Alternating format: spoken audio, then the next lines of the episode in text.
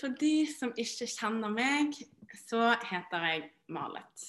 Uh, jeg flyttet til Oslo nå i høst som var, august 2020. Og nå studerer jeg psykologistudiet på Universitetet i Oslo. Uh, samtidig som at jeg tar et fag på HLT, og har studert tidligere på HLT, da, Høgskolen for ledelse og teologi. Jeg kan også si at Rett før jeg kom til Oslo, så bodde jeg i Levanger og var en del av bønnesenteret Nordic Mission. Kanskje noen av dere som kjenner til det. Eh, I tre år. Det var tre veldig viktige år i livet mitt. Og så er jeg takknemlig over å få bo i Oslo og være en del av kirken her. Så jeg har fått den ære å dele Guds ord med dere i dag. Eh, og som sagt så er jo det ikke optimalt med liksom Zoom-tilstandene eh, og sånn. Men jeg Altså, jeg, jeg, skal være litt ærlig. Litt sånn, den afrikaneren i meg kan egentlig bli liksom satt ut av at jeg ikke får noe sånn her eh, preach it, og mener at det er liksom respons og sånn. Um, men bare bruk liksom de her reaksjonene, sånn hjerte og den der eh, feiredusken flittig. Um, så liksom, ja, blir afrikaneren i meg veldig happy, da. og hvis, du liksom, hvis det blir veldig glorious, og du bare kjenner at du må løpe rundt huset ditt eller eh, noe sånt, så bare ta med deg zoomen din, så kan vi liksom dele de gode øyeblikkene med hverandre. Um, men helt ærlig, sånn fra spøk til alvor, så er jo det en veldig ærlig sak at det, vi kan kjenne at vi, det er vanskelig å være aktiv og være til stede, men jeg vil virkelig oppmuntre oss alle til å være til stede og aktivere hjertene våre, ånden vår, og ja, la Den hellige ånd snakke til deg i dag. Um, jeg har lyst å dele noe som jeg kjenner Gud virkelig har lagt på hjertet mitt for i dag. Uh, det er noe jeg føler vi liksom aldri kan bli ferdig med, og som jeg tror er et viktig ord for oss i dag og for denne tiden vi lever i. Men jeg tror òg at det alltid har vært viktig. Og sånn helt fra Bibels tid, som vi også skal inn, se litt nærmere på i dag, så har det alltid vært viktig for Gud. Og det har liksom alltid vært liksom på Guds sånn agenda. Um, men det som er greien, er at jeg tror det er en game changer hver gang vi griper det. Ja, vi vet ikke hva vi skal gjøre. Det var en konge som ropte i bønn til Gud akkurat den frasen der, og det var noen av dere som kanskje hørte den teaser-videoen. Vi vet ikke hva vi skal gjøre, men våre øyne er vendt mot deg. Det var slutten på den bønnen. Og tingen er at I dag så kjenner jeg at jeg, har, jeg bare har sånn på hjertet å snakke om blikket vårt, øynene våre. Hvem og hva vi stadig liksom vender våre blikk til. Hva som stadig får vinne våre blikk og hjertene våre. Og Vi skal studere livet til denne konge som jeg refererte til. Eh, og eh, spoiler alert, det er ikke David, men vi kommer til å snakke litt om han òg. Og så har jeg lyst til å trekke noen tråder til eh, livet til denne kongen og til våre liv i dag. Men jeg har lyst til å begynne å be og bare legge hele denne stunden i Guds hender. Jeg takker deg, Gud, for den du er. Jeg takker deg, Gud, for din tilstedeværelse. Jeg takker deg, Gud, for at du er levende, og at ditt ord er levende. Jeg takker deg, Gud, for det ordet som blir delt i dag. Bare ber deg Gud og ønsker å gi deg tillatelse til å gi deg masse rom til å la ordet ditt virke i våre liv og i våre hjerter. Takker deg, Helligånd, for at du elsker å tale.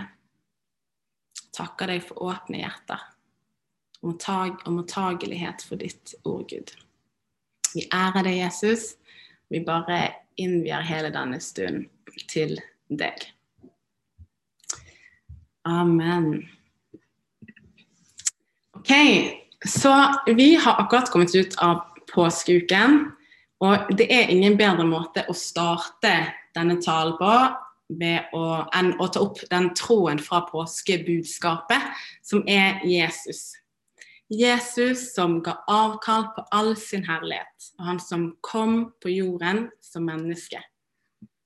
Han som elsker deg så høyt at han var villig til å gå så langt som til korset for din frelse.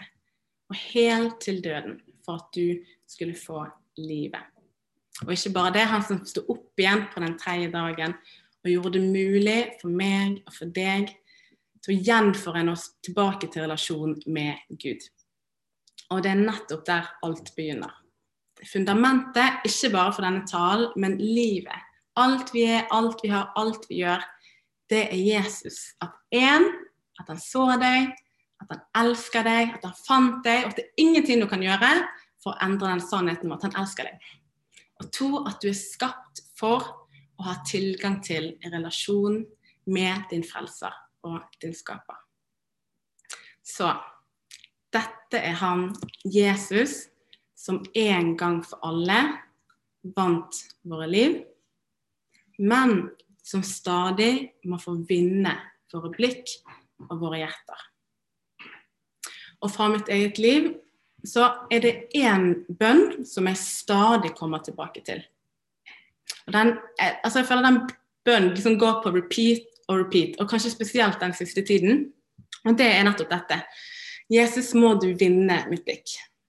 Må du vinne mitt hjerte på ny. Eh, og la oss være ærlige med hverandre. Vi trenger så sykt Guds nåde. Jeg trenger Guds nåde, som stadig drar meg tilbake. Og som stadig kaller mitt hjerte tilbake til ham.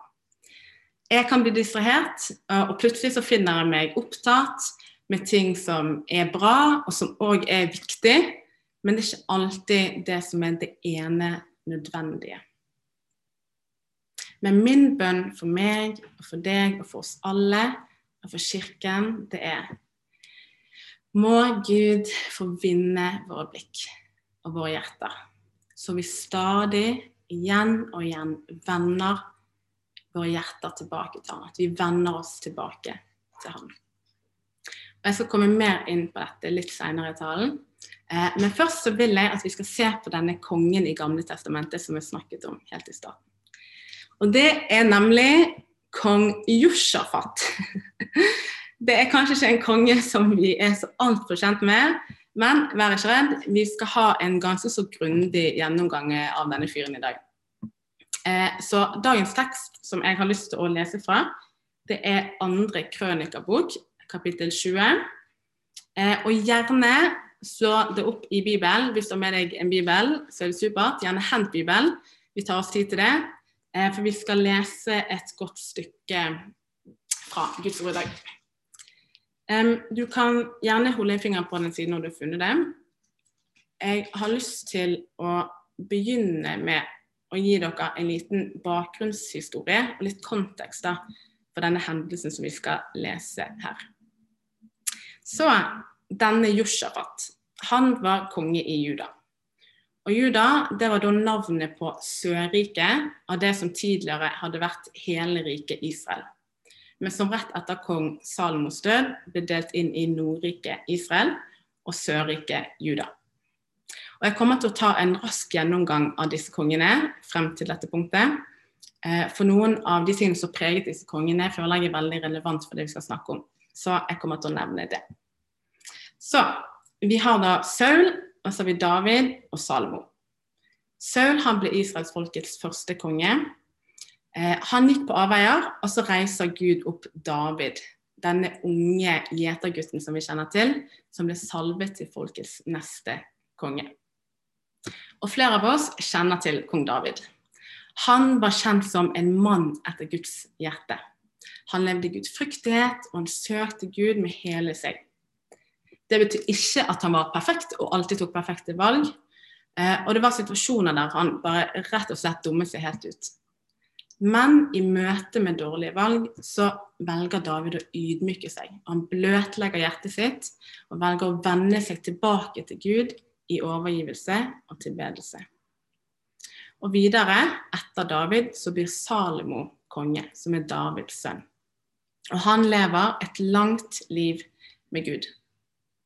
Men vi leser etter hvert om han at i motsetning til David, så står det om Salomo at, og hold dere fast, at hans 700 koner og 300 medhustruer fører hans hjerte på avheier.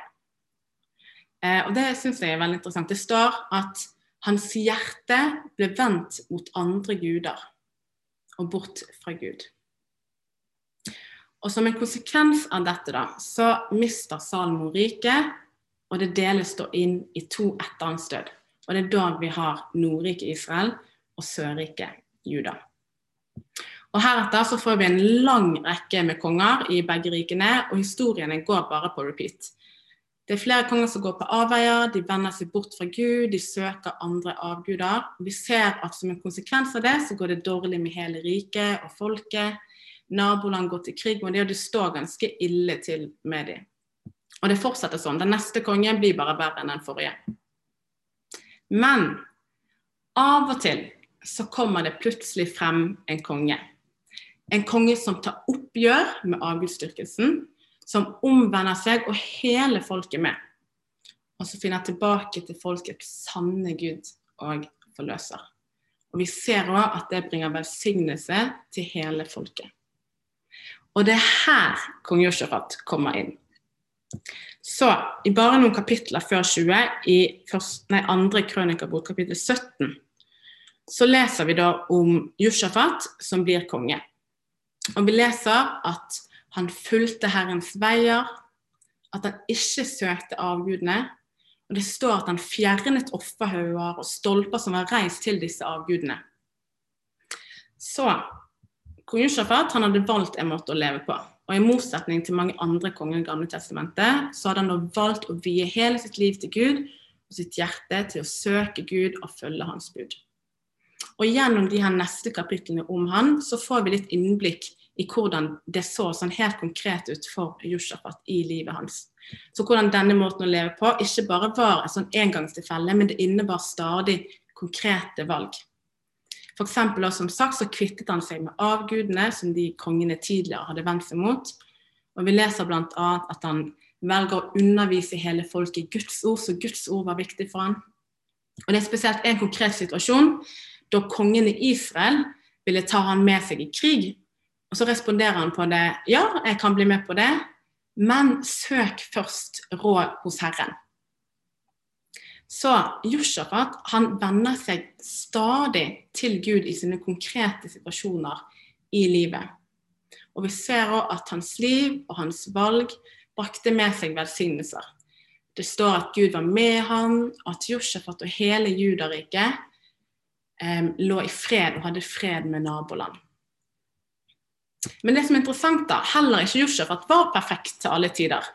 Eh, I kapittel 19 rett før så er det en situasjon der Josjafat støtter en som ikke følger Gud. da. Um, og han blir konfrontert med, uh, eller konfrontert av en Guds profet. Men òg her så var omvendelse tilbake til Gud nøkkel. Og I denne sammenhengen så henvender profeten seg til han, og så sier han men du har lagt hele ditt hjerte i å søke Gud. Og det var det som var Josjafats hjerteholdning hele veien. For vi ser at ja, Josjafat hadde dedikert sitt liv til Gud. Men òg han trengte å velge å komme tilbake til Gud. Og vende, komme tilbake til å venne seg til Gud. Og folkens, jeg tror at det òg er tilfellet i våre liv de fleste av oss kan gjerne kjenne seg igjen i at ja, vi har gitt våre liv til Gud. Og liksom Du sa ja til Jesus og overga livet ditt til han, og det er fantastisk. Men hvilke områder i livet trenger du å vende blikket og vende hjertet tilbake til Gud? Selv de store navnene i Bibelen trengte å la seg ydmyke og trengte å vende hjertet tilbake. Og selv David, da, som vi så på eh, Av Gud sjøl, faktisk, så blir han kalt en mann etter mitt hjerte. Selv han trengte å vende hjertet tilbake. Og han skjønte at det aldri var for seint. Så områder der vi har latt oss distrahere, områder hvor vi fristes med synd, områder der liksom, hjertet opptas med det ene og det andre, og jeg kjenner meg veldig igjen i det, så kaller Gud stadig på å vinne ditt hjerte. Og tilbake til Josjafat i kapittel 20, da, som er dagens hovedtekst. Jeg har lyst til å jeg, Ok, så jeg skal lese en god chunk Så eh, vi blar litt i sånne sider som kanskje ikke blar så ofte i. Eh, men jeg tror det her blir veldig bra. Um, fra vers 1 i kapittel 20, jeg tror jeg kommer til å lese til vers 12. Jeg kan si at Innledningsvis så er det noen folkegrupper da rundt Juda um, som går til krig um, mot Josjafat og hele riket. Uh, og så skal vi se da hvordan Josjafat responderer på den situasjonen. Så da begynner jeg å lese fra vers 1. En tid skal vi se, en tid etter hendte det at moabittene og ammonittene og sammen med dem noen meunitter gikk til krig mot Josjafat. Man må holde tungen litt beint i munnen når det kommer til de her navnene. Fra vers 2. Det kom noen og sa til Josjafat, det kommer en stor styrke mot deg fra den andre siden av sjøen, fra Edom. De står allerede i Heseson Tamar, som var et sted. Det er en Gedi. Og fra vers 3 så står det Da ble Josjafat redd, og han vendte seg til Herren for å søke råd hos ham. Så ropte han ut en faste over hele Juda. Judeerne samlet seg for å søke råd hos Herren. Fra alle byene i Juda kom de for å be Herren om råd.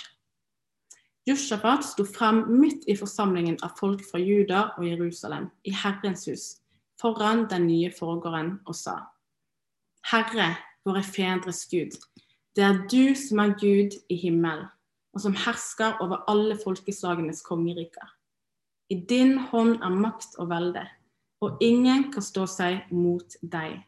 Du, vår Gud, drev ut dem som bodde i dette landet, for ditt folk Israel, og du ga det til din venn Abrahams ett til evig tid. Der bosatte de seg, og der bygde de en helligdom for ditt navn og sa:" Hvis noe ondt rammer oss, sverd, straff, pest eller sult, da vil vi stille oss foran dette huset for ditt ansikt. For i dette huset bor ditt navn. Vi vil rope til deg i vår nød, og du vil høre og frelse. Se nå på ammonittene, moabittene og folket fra fjellene Seir. Du lot ikke israelittene trenge inn blant dem da de kom fra Egypt. De bøyde av og utryddet dem ikke. Men se hvordan de lønner oss. Nå kommer de for å drive oss bort fra din eiendom, den du ga oss i eie. Vår Gud, du skal dømme dem. Og så kommer da det verset som jeg føler uthøver seg veldig for talen i dag. For vi står maktesløse overfor denne store styrken som kommer mot oss. Vi vet ikke hva vi skal gjøre, men våre øyne er vendt mot deg. Jeg tror jeg stopper her. Eh, men det som skjer videre i kapittelet, er at eh, Gud taler til folket når de står i bønn og sier at de ikke skal frykte. Og så sier han at, at Gud sjøl skal kjempe for dem og frelse dem. Og det er nettopp det som skjer. Dagen etter så går de ut i krig. Og så kong at han plasserer lovsangerne foran, i spissen, helt foran hæren, foran alle krigerne, for å lovsynge Gud og tilbe Gud. Og så står det at idet de gjør det, så tar Gud helt seriøst kampen i sine hender. Altså Motstanderne de begynner å knerte hverandre. Og når juda, liksom, judafolket kommer til dette ut, et sånt utsiktspunkt, så må de seriøst leite etter de her motstanderne. Og så legger de merke til at alle ligger døde på jorden. Uten at de liksom har rørt en eneste krigermuskel. Og det er jo helt crazy historie, og det går liksom mot alle menneskelige odds. Eh, men altså, det er gjerne en historie som vi ikke helt klarer å liksom sette oss inn i, og veldig sånn fjern fra våre hverdager og vår forståelse. Um, og kanskje for noen som hører tall, så kan den kan det kanskje være litt mer virkelighetsnær enn for andre. Um, men samtidig så tror jeg at vi alle kanskje kan kjenne oss igjen i de følelsene og de reaksjonene som skildres her. Um, okay, vi skal gå litt inn i teksten. Så I begynnelsen så leser vi da at disse folkegruppene går til krig mot judafolket. Og Josjafat han hører det, og så leser vi i vers 3 at han blir redd. Og dette er da den kongen som vi snakket om, som har viet hele sitt liv til Gud. Men nå står han her i en situasjon som oppleves helt umulig for han. Og kanskje dette er første gang til og med um, han opplever å stå i krig, da. Um, fordi at vi leser jo tidligere at, um, at Judariket var i fred mens han var konge. Så vi forstår i hvert fall i teksten at Josjafat ikke vet hva han skal gjøre. Og det kan være at du kjenner deg igjen i akkurat den desperasjonen. At det er situasjoner som presser sånn på rundt deg, og du ikke vet helt hva du skal gjøre. Og kanskje spesielt det siste året, med en pandemi som herjer, og tryggheter som rystes, og usikkerheter på flere plan. At det er situasjoner som virkelig har presset fram frykten, redsel, engstelsen, bekymringen. Vi leser at Josjafat ikke vet hva han skal gjøre. Men det er én ting han gjør. Og det er å venne seg til Herren for å søke råd. Og Vi leser i vers 3 og videre hvordan han samler hele folket fra alle byer i Juda til bønn og faste. Og det er da vi kommer til vers 6, og fra vers 6 og utover så leser vi denne veldig sterke bønnen.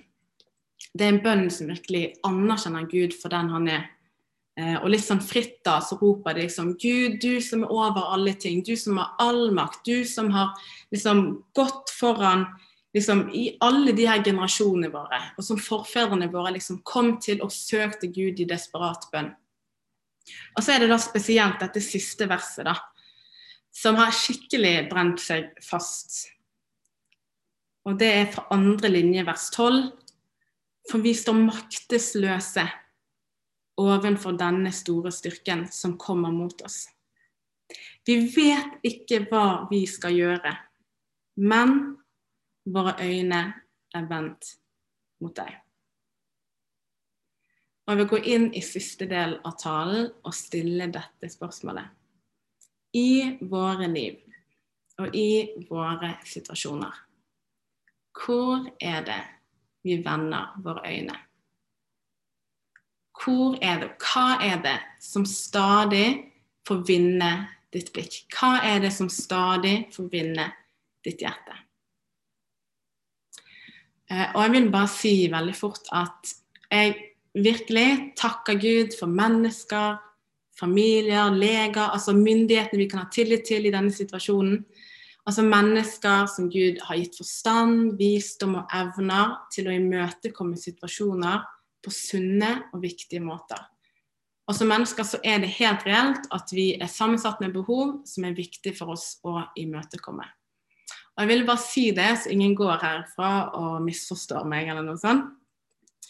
Men la meg få lov til å snakke til ånden din, til hjertet ditt og til blikket ditt sånn dypest sett. For her leste vi at Jushafat visste at midt i denne umulige situasjonen, som så reelt skapte frykt i ham Altså I en krig han og folket mest sannsynlig ikke var egnet til å kunne stå seg imot, og hvor han potensielt måtte face døden, både til folket og mest trolig til sitt eget liv. Selv midt i denne umulige situasjonen så velger han å vende blikket sitt mot Gud til Han som var i stand til å frelse. Og Nå kjenner jeg ikke alle her, eh, og jeg er klar over at det er flere som står i veldig utfordrende situasjoner.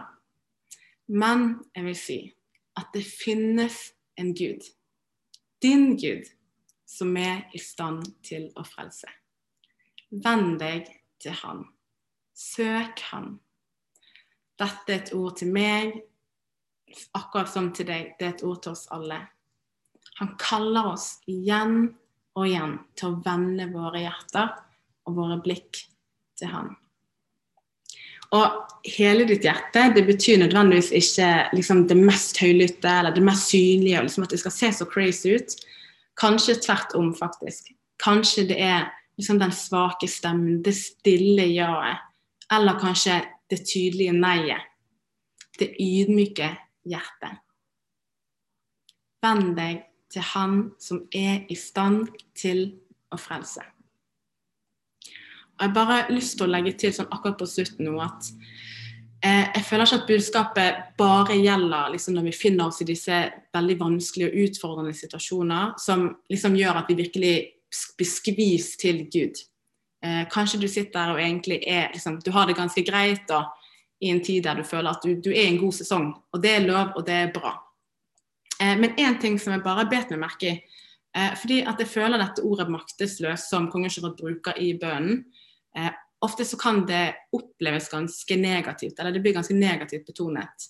Eh, for vi, liksom, vi for all del ikke kjenne oss svak, og det er liksom ukomfortabelt å ikke vite, ukomfortabelt å ikke evne. Eh, og det å kjenne seg avhengig av noe eller noen som må komme oss til unnsetning, altså ikke snakk om det engang, liksom. For ja, maktesløshet, det leder oss til vissheten om at vi er avhengig. Og that's it. Vi er avhengig. Vi er til, og vi har liv på grunn av Gud. Han er vår livskilde, og det er i alle sesonger. Pusten i deg er fra Gud. Så uansett hvor du er i livet akkurat nå, om du er på høyden og du kjenner at du liksom aldri har hatt det så bra, aldri hatt så mye tid og ro, og aldri hatt det så fantastisk, eller om du kjenner deg igjen i desperasjonen til denne kong Josjafat som vi har lest om, så vil jeg bare ta et lite øyeblikk for oss alle, uansett der du er, til at vi kan ta litt sånn konkret tid til å venne oss til Gud i overgivelse. Eh, og vi skal sette på en sang for å bare ta et lite øyeblikk til akkurat det. Så der du sitter eller ligger eller står eller hva enn du gjør, så vil jeg bare ta tid til å gi rom til å vende dine øyne til Gud. Og vende ditt hjerte til Gud. For helt seriøst, våre liv er ikke det samme uten. Og våre situasjoner er for alltid annerledes med. Så hvis du kjenner at Den hellige ånd har liksom brakt frem noe konkret i ditt liv, så snakk med Gud om det. Um, hvis det er noe du konkret trenger forbønn for, så tror jeg at det er et nummer som kommer opp etterpå, som du kan ta, sende melding til eller ta kontakt med. Det kan hende at vi får litt mer informasjon om det.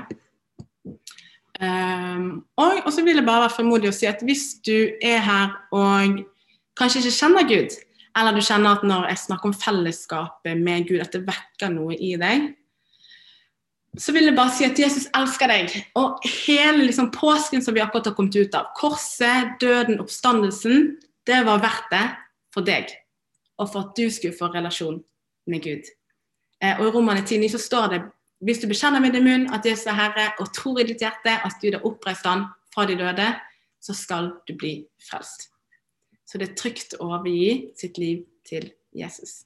Og hvis du kjenner deg igjen i det, så ja, gjerne send en melding. Du kan vi bare gjør det litt enkelt. Hvis du ja, send en melding på chat til meg her direkte, eller til IMI-kollektivet.